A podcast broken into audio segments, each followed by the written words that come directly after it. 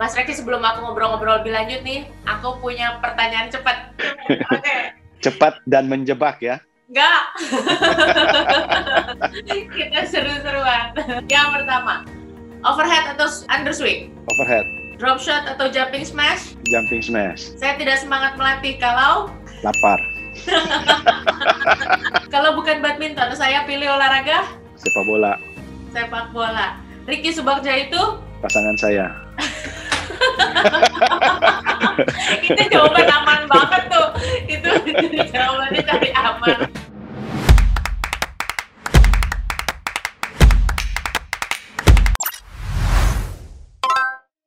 Hai Assalamualaikum teman-teman semuanya Balik lagi bareng saya Nelma Daan Seperti yang di video-video sebelumnya Aku banyak ngobrol sama teman-teman Indonesia yang memiliki bakat dan prestasi Nah, narasumber kali ini mempunyai dua hal tersebut Dan juga pahlawan Indonesia Beliau dan pasangannya sudah banyak banget memberikan medali emas untuk Indonesia Apalagi ini yang paling seru waktu di Olimpiade Atlanta 96.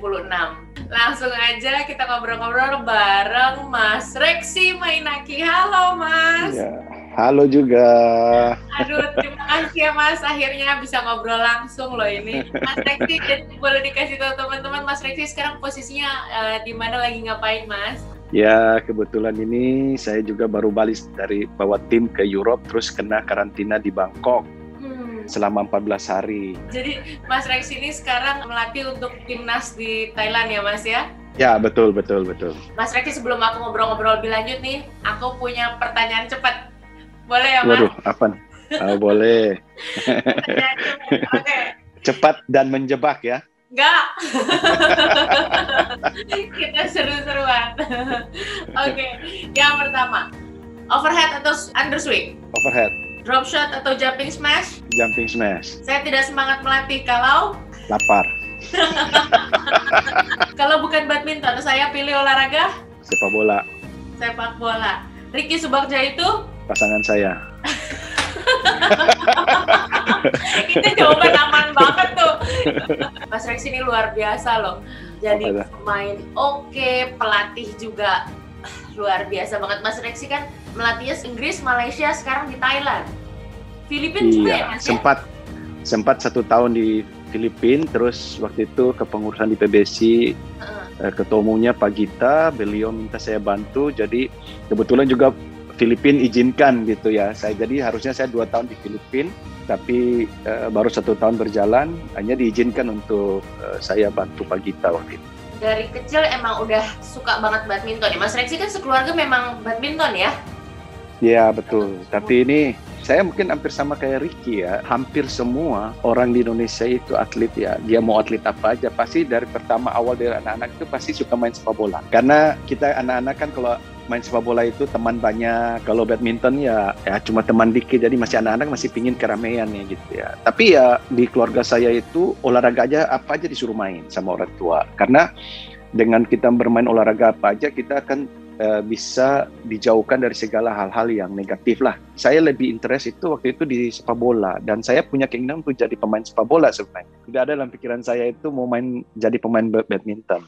Mulai berpikiran untuk oke mau serius di badminton tuh berapa Mas? Ya kalau dibilang cukup terlambat ya. Ya memang dari kecil udah dilatih sama ayah sama ini ya. Eh, kita ada bertiga waktu itu, berempat.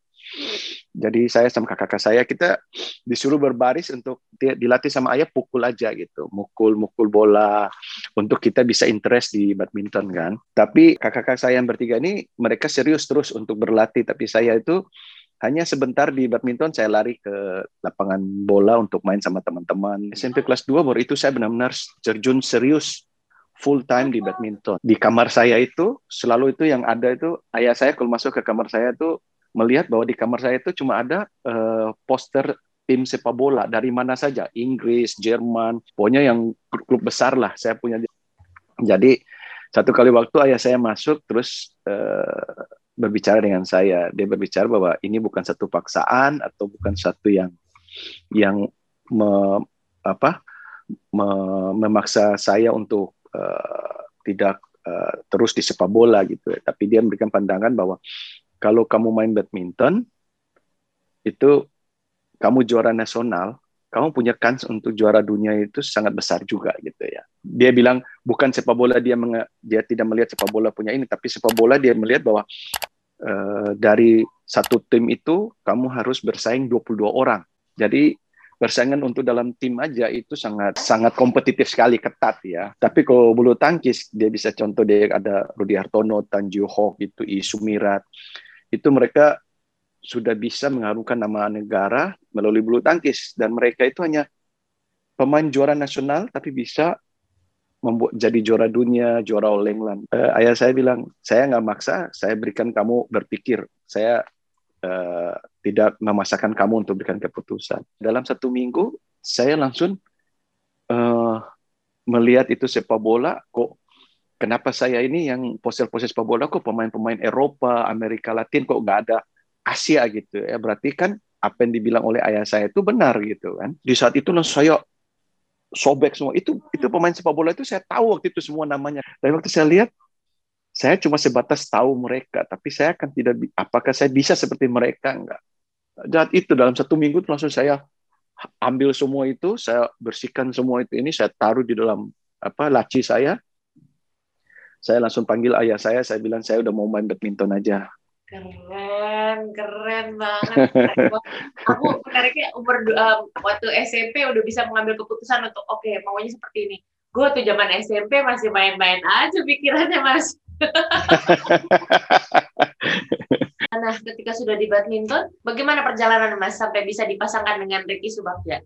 Wah, perjalanan panjang. Langsung per nggak? Langsung langsung langsung sama Enggak. Mas apa? Jadi istilahnya kalau Ricky gonta-ganti karena dia lebih dulu masuk pelatnas. Ricky masuk pelatnas itu dia umurnya berapa? 16 apa 17 tahun udah masuk dia gitu. Dia masuk itu di tahun 85. Nah, 85 itu ada kejuaraan nasional. Ada kejuaraan nasional, saya mewakili uh, provinsi saya itu Maluku. Jadi saya waktu itu sudah latihan di sekolah olahraga di Ragunan gitu. Dan kalau di Maluku itu uh, pemain sudah terpilih dan juga saya masih terdaftar sebagai atlet Maluku, jadinya saya dimasukin dalam tim untuk bermain di kejurnas waktu itu. Dan itu kejurnas itu di Surabaya masalah. Dan saya partner itu dengan sesama pemain Maluku bisa menang sama Ricky dari Jawa Barat. Waktu itu Ricky itu yang orang selalu uh, berbicara wah ini calon calon gitu ya. Tapi tanpa saya sadar gitu ya, saya bisa menang sama Ricky dan bisa masuk di delapan besar kejuaraan kejurnas itu sejarah buat Maluku gitu di event nasional itu. Hmm. Saya bisa mengalahkan uh, pemain Jawa Barat. Jadi habis memang habis masuk habis kejuaraan ke Jurnas itu Ricky dipanggil ke pelatnas waktu itu tapi dia masih main single kalau nggak salah. Ya dia main single kan. Waktu itu masih ada Jong Jayadi uh, Yanto Febianto Bram Fernandes uh, Faris Mawardi dan juga itu angkatan Ardi Wiranata juga gitu. Cuma Ardi udah lebih ngetop lagi gitu karena Ardi sering lebih sering juara. Amat dari apa uh, Ragunan itu saya saya masuk ke sebenarnya saya waktu itu masuk ke Jarum Oh. Masuk Jarum, tapi akhirnya waktu itu kakak saya ngantar uh, Richard Mainaki waktu itu sudah mau masuk sampai di uh, klub Jarum itu, sudah mau sampai di pintunya untuk masuk di di hallnya itu ditelepon sama uh, pemilik klub Tangkas untuk saya diminta masuk ke Tangkas gitu. 87 itu saya tiga tahun itu melalang buana dengan tidak karuan gitu ya. Maksudnya gini, tidak karuan itu untuk masuk ke pelatnas itu saya selalu ada kayak di dihalang-halangi gitu. Oh. untuk tidak boleh masuk ke platnas gitu ya. Jadi istilahnya ya kalau dulu kan persaingan klub itu sangat kental sekali gitu ya. Jadi klub yang mana itu siapa yang berkuasa di uh, platnas itu ya dia mengutamakan uh, pemain dari klub dia. Jadi waktu seleksi nasionalnya saya juara untuk masuk ke platnas saya yang juara nggak dipanggil. Yang yang dipanggil yang runner up sampai semifinal sama 8 besar 16 besar gitu. Yang juara nggak dipanggil gitu. Jadi memang saya nggak bisa juara dunia lah saya bilang. Tapi ya ya jalan Tuhan itu ada lah pasti ya. Itu saya diproses itu ya. Bayangin aja saya itu juara main di Jakarta Selatan main single juara main double juara main mix juara. Tapi ya untuk masuk ke platnas itu sangat susah gitu. Oh. ya Bahkan dalam dalam saya tinggal di luar, waktu saya tinggal di Depok, latihannya di Ancol gitu kan. Mm-hmm. Jadi itu harus naik bis berapa kali gitu. Mm-hmm. Dan itu bayangin aja dalam kita kelas saya keluar jam 5 pagi sampai di sana tuh latihan terus siangnya itu istilahnya apa ya? Kita bilang uh, orang yang duit pas-pasan lah nggak punya uang ya. Kalau makan siang itu ya istilahnya ada yang kasih makan kita makan, kalau nggak ada yang kasih makan ya nggak ada duit untuk makan lah. Ya. Jadi benar-benar benar perjuangan. Jadi itu mungkin satu proses yang dibina oleh ya ya saya bilang uh, jalan Tuhan kita nggak bisa nggak bisa apa nggak bisa tahu lah gitu kan mungkin saya diproses di situ untuk menjadi mental saya tuh kuat mungkin saya akan masuk ke pelatnas waktu mental saya kuat itu tiga tahun itu saya tuh dari Depok ke Ancol Depok ke Ancol itu keluar jam 5 pagi sampai di rumah tuh jam 2 pagi gitu. Sampai saya pernah tidur juga di kuburan Kalibata gitu ya. Tiduran uh, nah. habis tiduran terus latihan tunggu untuk latihan sore aja gitu. Ya, um. kalau saya pulang ke Depok itu kan kalau saya pulang ke Depok pasti kan jauh lagi. Jadi saya pulang di situ kebetulan di seberangnya kuburan Kalibata itu ada teman dia punya kakak itu buka bengkel. Jadi jadi kita uh, ke sana kita ada bertiga itu kan. Kita di sana untuk muka bikin muka lapar aja biar dikasih makan gitu. Jadi kita dikasih makan tapi tidurnya kita di kuburan situ. Jadi sambil tidur latihan habis itu istirahat tidur habis itu pergi latihan lagi di Ancol. Jadi proses tiga tahun itu gitu. Bisa sampai sampai akhirnya uh, satu kali waktu uh, harapan saya untuk masuk pelatnas itu udah hampir pupus gitu kan. Uh, di situ saya langsung berjanji bahwa kalau di saat saya masuk pelatnas itu hampir umur 24 loh, terlambat loh. Oh iya, prosesnya iya. luar biasa banget panjang ya Mas. Iya, iya. Jadi saya nggak dipanggil-panggil, saya langsung berkata kepada diri saya bahwa kalau sampai umur saya 23 atau 24 saya tidak ada masuk ke pelatnas, saya akan berhenti dari bulu tangkis, saya mau lanjutkan sekolah dan saya mungkin mau pulang ke kampung aja lah gitu. Oh, sempat hopeless juga nah, jadi ya. Iya, hopelessnya itu uh, dalam saat bukan karena yeah. saya tidak berprestasi, tapi hopelessnya itu jadi korban yang tidak jelas gitu kan. Ya seperti gitu. Ya. Jadi ada satu pertandingan lokal di Jakarta gitu. Saya main mix saya main double saya main single. Dan itu semua saya sampai final dan juara gitu kan. Tapi di saat itu juga ada pengangkatan pelatih pemilihan pelatih. Dan waktu itu Christian Hadinata terpilih sebagai pelatih nasional ganda putra. gitu dia ketemu saya di Asia Afrika itu, habis saya juara, terus langsung dia datang ke saya, dia lewat, terus saya lihat kok Chris kan, wah Christian Hadinata, Christian Hadinata, saya senang gitu kan, hmm. karena itu benar-benar seorang legenda gitu kan. Terus nama besarnya dia gitu, terus dia lewat tanpa tanpa saya sadar, dia langsung tepuk saya, Rexi, kamu masuk pelatnas enggak? Saya langsung kaget itu, saya gemetar gitu kan. Saya langsung lihat ke Kokris, saya bilang Kokris itu benar, eh, nggak bercanda. Ya benar, saya bilang benar. Tapi dengan satu syarat bahwa kamu harus lepas mix double sama kamu harus lepas itu singlenya kamu. Baru kamu hanya fokus di ganda. Saya bilang langsung ke Kokris, kok terima kasih, saya sangat bangga, saya Kokris itu idola saya, dan saya disapa duluan itu sangat satu kehormatan buat saya gitu, seorang legenda yang menepuk saya langsung menanyakan gitu kan. Terus saya bilang, kok Chris, saya sudah punya pengalaman banyak ya. yang sudah ikut seleksi juara nggak masuk, juara-juara mana-mana pun nggak masuk, bahkan saya single, ada pelatih pelatnas bilang kalau saya menang sama pemain nasional ini, saya langsung masuk pelatnas. Saya sudah menang, saya nggak dipanggil juga. Jadi banyak eh, apa hal-hal yang pahit itu yang iya gitu kan. Tapi eh, saya bilang kalau memang ada ada surat uh, uh, hitam atas putih bahwa saya dipanggil itu dan ditandatangan oleh PBC dan Kokris sendiri, baru saya akan uh, give up itu apa uh, mix double dengan single. Terus langsung ya saya dia bilang oke, okay, dia bilang gitu kan. Dan dalam waktu nggak nggak lama itu ya, langsung ada surat datang ke klub bahwa uh, minta saya untuk masuk ke pelatnas gitu. Tanda tangan PBC dan Christian Hadinata. Wah saya langsung itu langsung udah saya masuk dalam pelatnas itu saya masih waktu itu pasangan sama Thomas. Ah. Thomas Indra Caya saya pasangan kita berjalan tuh. Saya masuk tahun 90 sementara itu eh, Ricky udah gonta-ganti banyak. Oh pokoknya Ricky itu orang bilang dia selingkuh banyak lah dia tuh banyak banyak yang disenangi oleh ini gitu. Jadi di gonta-ganti gonta-ganti ya terakhir dia pasangan sama kakak saya Richard dan mereka pertandingan waktu itu di Eropa ada Polandia Open dengan pertandingan apa itu juara. Waktu balik Ricky langsung dipanggil oleh Christian Renata sama Pak Ati Johari waktu itu bahwa mereka bilang uh, mereka mau pisahkan Richard sama Ricky gitu. Terus Ricky kaget lah, ini saya baru juara dan ini kan peluang saya untuk bisa ikut Olimpiade. Saya baru juara dan ini kan suatu kemajuan yang bagus buat saya yang sudah berapa kali ganti pasangan. Terus sama Rexi baru masuk pelatnas, terus begini-begini, terus apa? Kok saya menjadi korban terus gitu. Sama Kak Atik, Kak Atik ngomong sama Ricky, bukan ini kita bukan mau korbankan, tapi kita lihat ke future ke depan gitu bahwa kamu dengan Rexi itu umur nggak beda jauh, saya akan dengan Richard itu umurnya beda jauh sekali gitu dan mungkin uh, untuk lolos ke Olimpik juga masih orang bilang 50-50 belum 100% gitu kan. Ricky bilang ya saya sebenarnya terima nggak terima gitu kan karena kalau saya ada sama Rexi lagi saya mulai dari nol lagi dan itu kan belum ada ranking gitu kan. Jadi berarti Olimpik itu pasti sirna gitu kan. Hanya dipasangkan saya sama Ricky dan kita main pertama itu pertandingan di kejuaraan dunia itu. Dan kita kalah delapan besar sama Parjubong. Hanya satu-satu pasang yang dari karena pasangan-pasangan dunia semua itu main sama Parjubong Kimonso itu di bawah di bawah lima poinnya. Satu dua saya sama Ricky itu dapat poin 11 sama berapa lah gitu. Wow. Ada perlawanan gitu kan. Nah, ini di situ uh, Ricky mulai ada ada satu kepercayaan sama ini. Bahkan Ricky waktu habis itu langsung dipanggil sama Pak Atik kan. Uh, terus Ricky udah bilang ke saya gitu.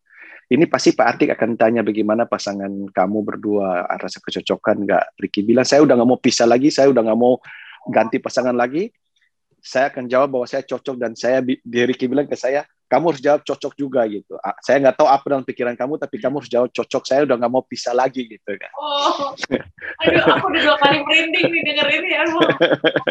Perjalanan pertandingan itu kita selalu masuk sampai sampai final, final, final, final, final tanpa sadar kita langsung masuk ranking berapa dan itu masuk untuk lolos ke Olimpiade gitu.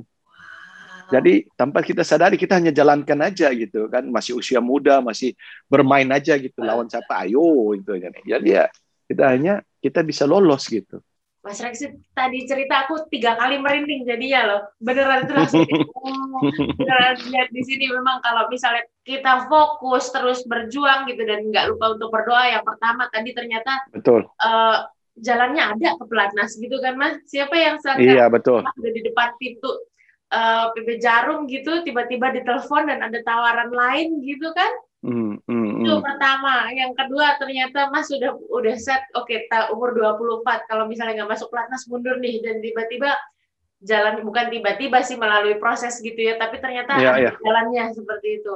Dan iya betul ya. ketika ketemu sama Ricky, uh, Ricky Subagja begitu meskipun awalnya ada penolakan gitu ya tapi yeah lagi-lagi karena usaha dan pasti ada doa gitu dan, dan itu ya memang saya lihat saya lihat mungkin ini ya uh, dengan pertama saya begitu antara dilema mau milih sepak bola dengan badminton dan hanya saya korbankan untuk sepak bola dan saya milih badminton itu di saat itu saya sudah ber, berkinan untuk bisa juara dunia gitu punya uh, mimpi untuk jadi juara dunia. Mungkin ini satu proses yang diberikan oleh Tuhan untuk saya nih, eh saya harus siap mental untuk masuk sini kalau kamu jadi juara dunia gitu ya. Ini saya lihat juga sesuatu yang yang dibina gitu. Saya di di dibina mental saya untuk siap menjadi pemain yang inilah. Apa sih Mas kecocokannya sama Mas uh, Ricky Subagja Mas sampai bisa aduh pasangan ya gimana ya? itu ketemu banget gitu. Kita punya punya filosofi di lapangan itu memang sama ya. Kita kalau berlatih itu selalu sama gitu. Berlatih untuk menjadi yang terbaik gitu kan. Kita dua juga berlatih itu tidak pernah main-main, kita berdua itu serius gitu kan. Dan di lapangan itu filosofi kita tuh bahwa eh, sama gitu ya. Cara ber, cara berpikir kita tuh sama bahwa apa kita kita punya kecepatan, kita punya apa eh, kecocokan dalam cara berpikir, cara cara untuk uh, menukar posisi untuk siapa di depan, siapa di belakang, ya, bagaimana untuk menukar uh, dari dari defend ke attack gitu ya. Kan semua ini kita tuh sama gitu dalam cara berpikir sama gitu dan tujuan kita tuh sama gitu. Biarpun saya sama Ricky kalau di luar, Ricky kan lebih akrab dengan kakak saya Richard. Kalau saya itu kan lebih senang ya saya lebih senang habis habis latihan udah istirahat gak, gak ini kan kalau Ricky tuh senang sama kakak saya tuh suka ngobrol apa gitu ya jadi istilahnya kita di luar tuh tidak akrab seperti apa yang orang bilang, oh saya di lapangan ini saya sama Ricky tuh kok kompak banget. Tapi kita punya tujuan tuh sama, berlatih untuk menjadi yang terbaik gitu. Wow. Gitu. Iya loh, sudah memenangkan lebih dari 30 medali emas internasional. Ini kan unbeatable banget. Wah, Padahal Mas, aku inget loh, uh, kemarin aku lihat-lihat lagi videonya gitu ya. Kalau di lapangan nih, uh, mohon maaf, boleh dibilang kan Mas Rexi lebih ekspresif. Kalau yeah, yeah. kan lebih calm gitu kayaknya ya. Wah, yeah, yeah ketemu banget itu keren banget sih mas. Ricky ya ya kalau kadang-kadang kalau saya udah mukul bola masuk tuh saya saya akan akan mengeluarkan ekspresi saya gitu kan. Ricky bisa lihat kalau ekspresi saya masih wajar tuh dia oke okay, dia hanya tepok oke okay. Bagus. Tapi kok ekspresi saya udah berlebihan eh kontrol eh kontrol. Nah, jadi dia selalu ingatin itu. oh, ada remnya ya. Ada remnya. Iya, dia, oh. dia bisa lihat gitu. Dia bisa lihat saya punya ekspresi kalau terlalu berlebihan dia sudah eh berlebihan, kontrol gitu. Dulu aku ingat banget ya, Mas Rex itu kalau loncat tinggi banget, masih bisa loncat gitu nggak Mas sekarang? Ya, yeah, I I wish I can fly. Waktu itu saya pernah pajang, uh, karena sekarang saya punya FB, saya udah tutup kan. Iya loh, itu luar biasa. Aduh, inget kalau nonton itu satu ini olahraga pemersatu bangsa banget emang apalagi kalau misalnya Mas Riki, Mas Rek, uh, Reksi main itu udah jalanan kayaknya sepi semua nontonin. Oh, mantap, mantap. Keren banget loh. Galang nggak jadi pelatih? Saya punya filosofi melatih itu sama seperti apa yang dibilang oleh uh, Kokris kan. Kalau kita berlatih itu, kalau apa yang bisa ditangkap oleh pemain kita itu kita harus 80% serius, 20% itu ada fun-nya. Gitu. Bukan masalahnya fun itu harus main-main, bukan. Tapi fun itu kita jangan terlalu membuat diri kita itu terlalu rasa terkekang gitu. Kadang-kadang orang eh, reaksi saya itu, oh kok kamu marah gitu. Bukan bukan marah gitu, tapi saya tuh melihat yang kamu punya itu kok kamu gak sadar gitu. Saya sendiri aja gemes gitu kan. Jadi kadang-kadang kadang-kadang saya ngomong karena saya bisa lihat bahwa kamu ini dengan kalau kamu berlatih lebih serius lagi atau kamu berlatih lebih lebih telaten lagi, kamu akan pergi apa yang sekarang ini kamu itu bukan bukan diri kamu yang sekarang harusnya lebih gitu. Ya, Jadi kalau bilang galak, mungkin kalau ada sebagian orang bilang saya galak atau istilahnya uh, strict gitu ya. Tapi ya buat saya itu ekspresi saya aja gitu sebenarnya. Jadi sebenarnya lebih kepada uh, untuk menggali potensi dari uh, orang itu sendiri gitu ya Mas ya. Betul. Jadi istilahnya saya sendiri aja bisa melihat dan saya di luar badan kamu dan kamu punya masa sih kamu nggak sadar gitu? Karena mungkin ya dia terlalu ter, fokusnya dia bukan ke situ dia fokusnya mungkin lihat orang lain apa gitu ya. Jadi dia merasa ah gue mau seperti itulah gue mau seperti ini. Padahal dia nggak lihat diri dia sendiri gitu. Mas kalau lihat perbedaan pemain Indonesia sama pemain Thailand sekarang seperti apa sih mas perbedaannya Perbedaannya sih nggak beda jauh ya. Sekarang kalau saya bilang dengan adanya media sosial semua ini, semua orang sudah bisa melihat bahwa cara berlatih atau cara apa semua sama ya. Kalau kayak sekarang saya berbicara dengan dengan pelatih-pelatih lain, kalau kita uh, antara pelatih gitu ya, kita berbicara. Kadang-kadang pelatih itu sendiri seperti pemain Denmark. Kok anak-anak kayak begini ya? Latihannya kadang-kadang mereka ini begini ya. Saya dalam hati sama juga dengan seanak buah saya begini. Nanti kalau kita bicarain pemain Indonesia, kok anak-anak sekarang tuh kayak begini. Jadi istilahnya cara berpikir anak-anak dari anak Thailand dan Indonesia, Denmark apa semua sama gitu ya. Jadi istilahnya garis besar itu sama gitu ya. Cara berpikir ya saya bilang. Saya berpikir sama semua atlet. Dan kalau cara latihan juga saya rasa sih sama, nggak ada beda. Oh. Cuma mungkin dalam sistem sistem apa uh, sport science-nya itu aja yang beda. Uh, nah, tapi saya lihat sudah berkembang baik sekarang. Uh, sudah di pelatnas itu sudah ada beberapa apa pelatih-pelatih fisik yang uh, apa backgroundnya dari sport science ini ya. Jadi rasa Indonesia sudah lebih baik. Kalau di Thailand ini saya saya melihat belum belum diterapkan itu sport science. Masih berlatih seperti antara ya antara pelatih dan pemain terus kita memilih pelatih fisiknya. Cara dukung-dukungan itu belum seperti yang saya lihat uh, terfokus sama seperti yang ada di Indonesia atau di Cina atau di mana? Di Jepang ya kalau saya jadi pemain paling enak udah jadi pemain Indonesia itu paling enak. Jadi kalau udah pemain di pelatnas itu jangan sia-siakan kesempatan yang sudah ada, saya bilang. Menurut Mas Rex ini perbedaan pemain-pemain dulu sama pemain-pemain sekarang seperti apa ya Mas generasi yang sekarang? Ya mungkin nggak semua pemain gitu ya, tapi yang yang generasi sekarang gitu ya. Tapi kalau generasi yang kita dulu orang tua itu nggak ikut campur lah. Lu gue lepas aja lu berlatih gitu. Jadi orang tua malah percaya gitu. Udah lu berlatih, udah istilahnya apa pun yang kamu buat, buat aja gitu. Jadi nggak ada ikut campur gitu. Jadi benar-benar itu diserahkan ke pelatih gitu.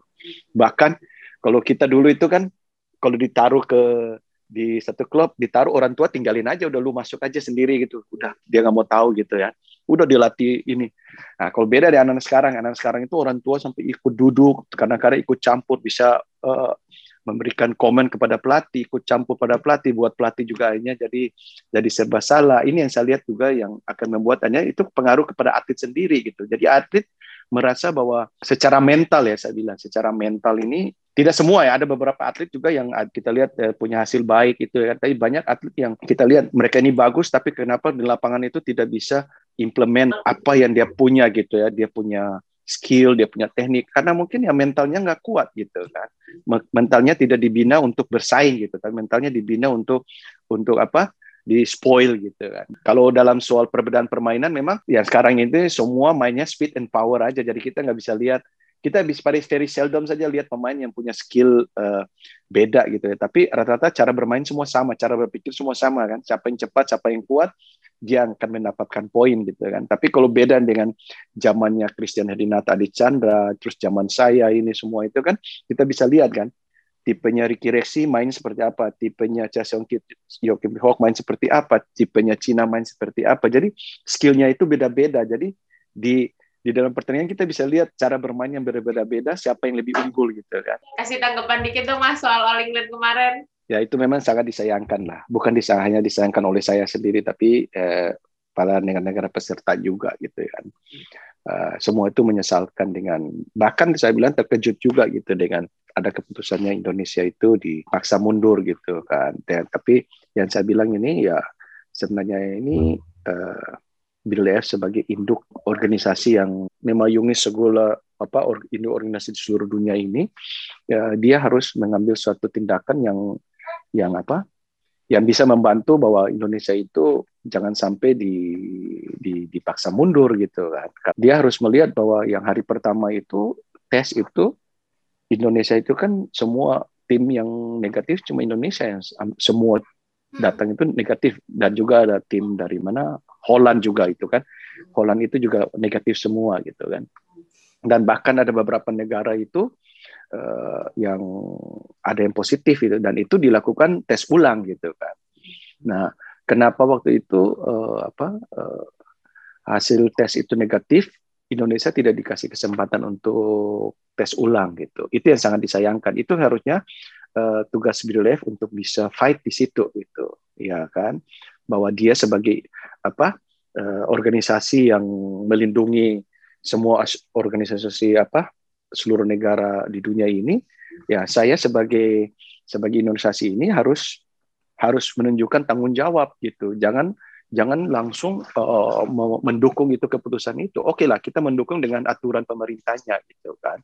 Tapi uh, uh, apa bedanya dengan negara yang sudah sudah ada beberapa negara yang positif atletnya positif tapi bisa dilakukan tes ulang gitu kan. Tapi kenapa Indonesia yang negatif dan cuma karena satu penumpang dengan ada satu penumpang dengan pesawat yang mereka ini terus bisa di tidak dilakukan tes ulang itu memang sangat sangat sangat kalau saya bilang sangat cruel gitu kan sangat tidak adil gitu dan caranya waktu disuruh balik itu sangat sangat orang bilang tidak manusiawi juga gitu ya kalau kita bilang di Thailand ini kenapa sukses semua orang ber, berbilang tidak Thailand waktu menyelesaikan pertandingan sangat sukses gitu karena kalau ada yang positif itu dia langsung tim medikalnya datang mengambil anaknya itu dibawa langsung ke rumah sakit untuk diisolasi jauh dari ini biar yang teman-temannya lain bisa bermain juga gitu kan.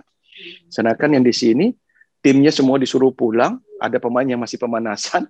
Betul. Malah tiba-tiba disuruh angkat tas, suruh pulang dan itu caranya juga suruh jalan gitu. Iya, Padahal kan padahal kan dia harus menyediakan bis satu oke okay lah agak gak usah gabung dengan negara lain tapi khusus untuk Indonesia dibawa gitu. Iya kan? Jadi ya sangat disayangkan itu yang saya bilang. Harusnya mengayomi semuanya gitu ya. Betul betul ya. Mentally pasti drop banget kan Mas, betul. Ya? oh. soalnya ini kan bukan pertandingan orang bilang kayak pertandingan yang level 100, 300, tapi ini kan level besar dan All England loh. All England itu uh, satu turnamen yang yang tertua dan sangat prestis gitu kan. Rencana ke depan Mas Reksi apa nih? Akankah ada Reksi Mainaki Academy? Itu ya memang cita-cita saya lah. Ya, cita-cita saya untuk buat itu karena ya istilahnya kalau kalau udah jadi pelatih pelatih-pelatih mana pun jadi pelatih terus saya udah capek gitu ya 30 tahun main sebagai pemain 20 tahun jadi pelatih udah capek lah gitu ya mungkin ya ya masih berkecimpung di, di bulu tangkis mungkin ya buka akademi aja ya tidak inilah melatih mensuplai pemain ke nasional tim itu sajalah. Ya sabar pastinya akan lebih bikin Indonesia makin menggeliat lagi. Amin, amin, amin. Satu pertanyaan lagi, bulu tangkis Indonesia harus harus bangkit dan menjadi yang terkuat lagi. Wah, bener banget. Wah, Mas, buat um, anak-anak generasi sekarang yang uh, supaya bisa punya mental yang kuat kayak Mas Rex ini. Kalau buat saya ya uh, anak-anak sekarang ya generasi muda yang sekarang ini ya ini kan uh, generasi yang sangat kompetitif sekali gitu ya. Jadi uh, jangan pernah ada dalam pikiran atau dalam perkataan atau dalam hati kita itu kata putus asa atau mau give up. Itu sesuatu yang akan membuat kita tidak akan bisa uh, berdiri uh, tegak atau berdiri strong uh, strong mentality kita untuk bersaing di dunia yang sekarang ini dunia milenial yang sangat kompetitif sekali gitu. Dunia ini berkembang sangat pesat. Kita harus siap mental kita dan harus berpikiran positif dan harus berkata bahwa saya mampu, saya bisa. Dan jangan lupa kita selalu umat beragama kita selalu harus bawa semua dalam semua ini dalam doa. Terima kasih. Keren banget. Aduh, terima kasih banyak. Aku ngomong terima sama Mas ini, ini loh, nasionalismeku makin, wah gitu. Wah, mantap. Jadi ingat lagi dulu. Aduh, luar biasa banget rasanya. Kita pengen ikutan turun ke lapangan, Mas, dan bantuin. ya itu itu yang saya rasakan sekarang itu sebagai pelatih kadang-kadang kan, wih mau turun tapi nggak bisa. Bahkan mau teriak aja sekarang nggak bisa kan? Kalau teriak kena kena usir dari umpire. Oh iya? Oh, nggak boleh teriak? Iya. Teriak uh, kita boleh ngomong kalau sudah apa uh, tidak ada bola yang berjalan. Kalau udah dapat poin uh. pemain itu baru kita bisa ngomong. Tapi kalau dalam lagi rally uh. dalam ada permainan nggak boleh ngomong. Kita kena ngomong kena kena warning Wah, oh, nggak bisa lah aku nonton langsung kalau gitu mas bakal kalau kita duduk di belakang itu nggak boleh. Oh. Tapi kalau kita duduk penonton bisa, bisa. Oh, oke. Okay. Jadi boleh ya aku kalau, nonton langsung ya? kalau, ya. Iya, kalau di penonton nggak bisa lagi ya udah mendingan bubar aja. Oke, kalau gitu Mas Reksi, ya. terima kasih banyak waktunya. Ya, sama-sama. Sama-sama. Ya, ya. Oke, okay, ya. Bisa jadi inspirasi juga buat teman-teman ya. dan Mas ya. terus, sukses terus. Ya, ya. Um, oke, okay, ya. sama juga. Ya, ditunggu di UK, Mas. Mudah-mudahan ya. Ya. ya. Siap. Okay, ya, gitu. jaga diri, stay ya. safe, stay healthy. Ya. ya. Oke, okay, sama-sama. Okay, terima kasih Mas, sampai ketemu. Sama-sama. Ya, dadah.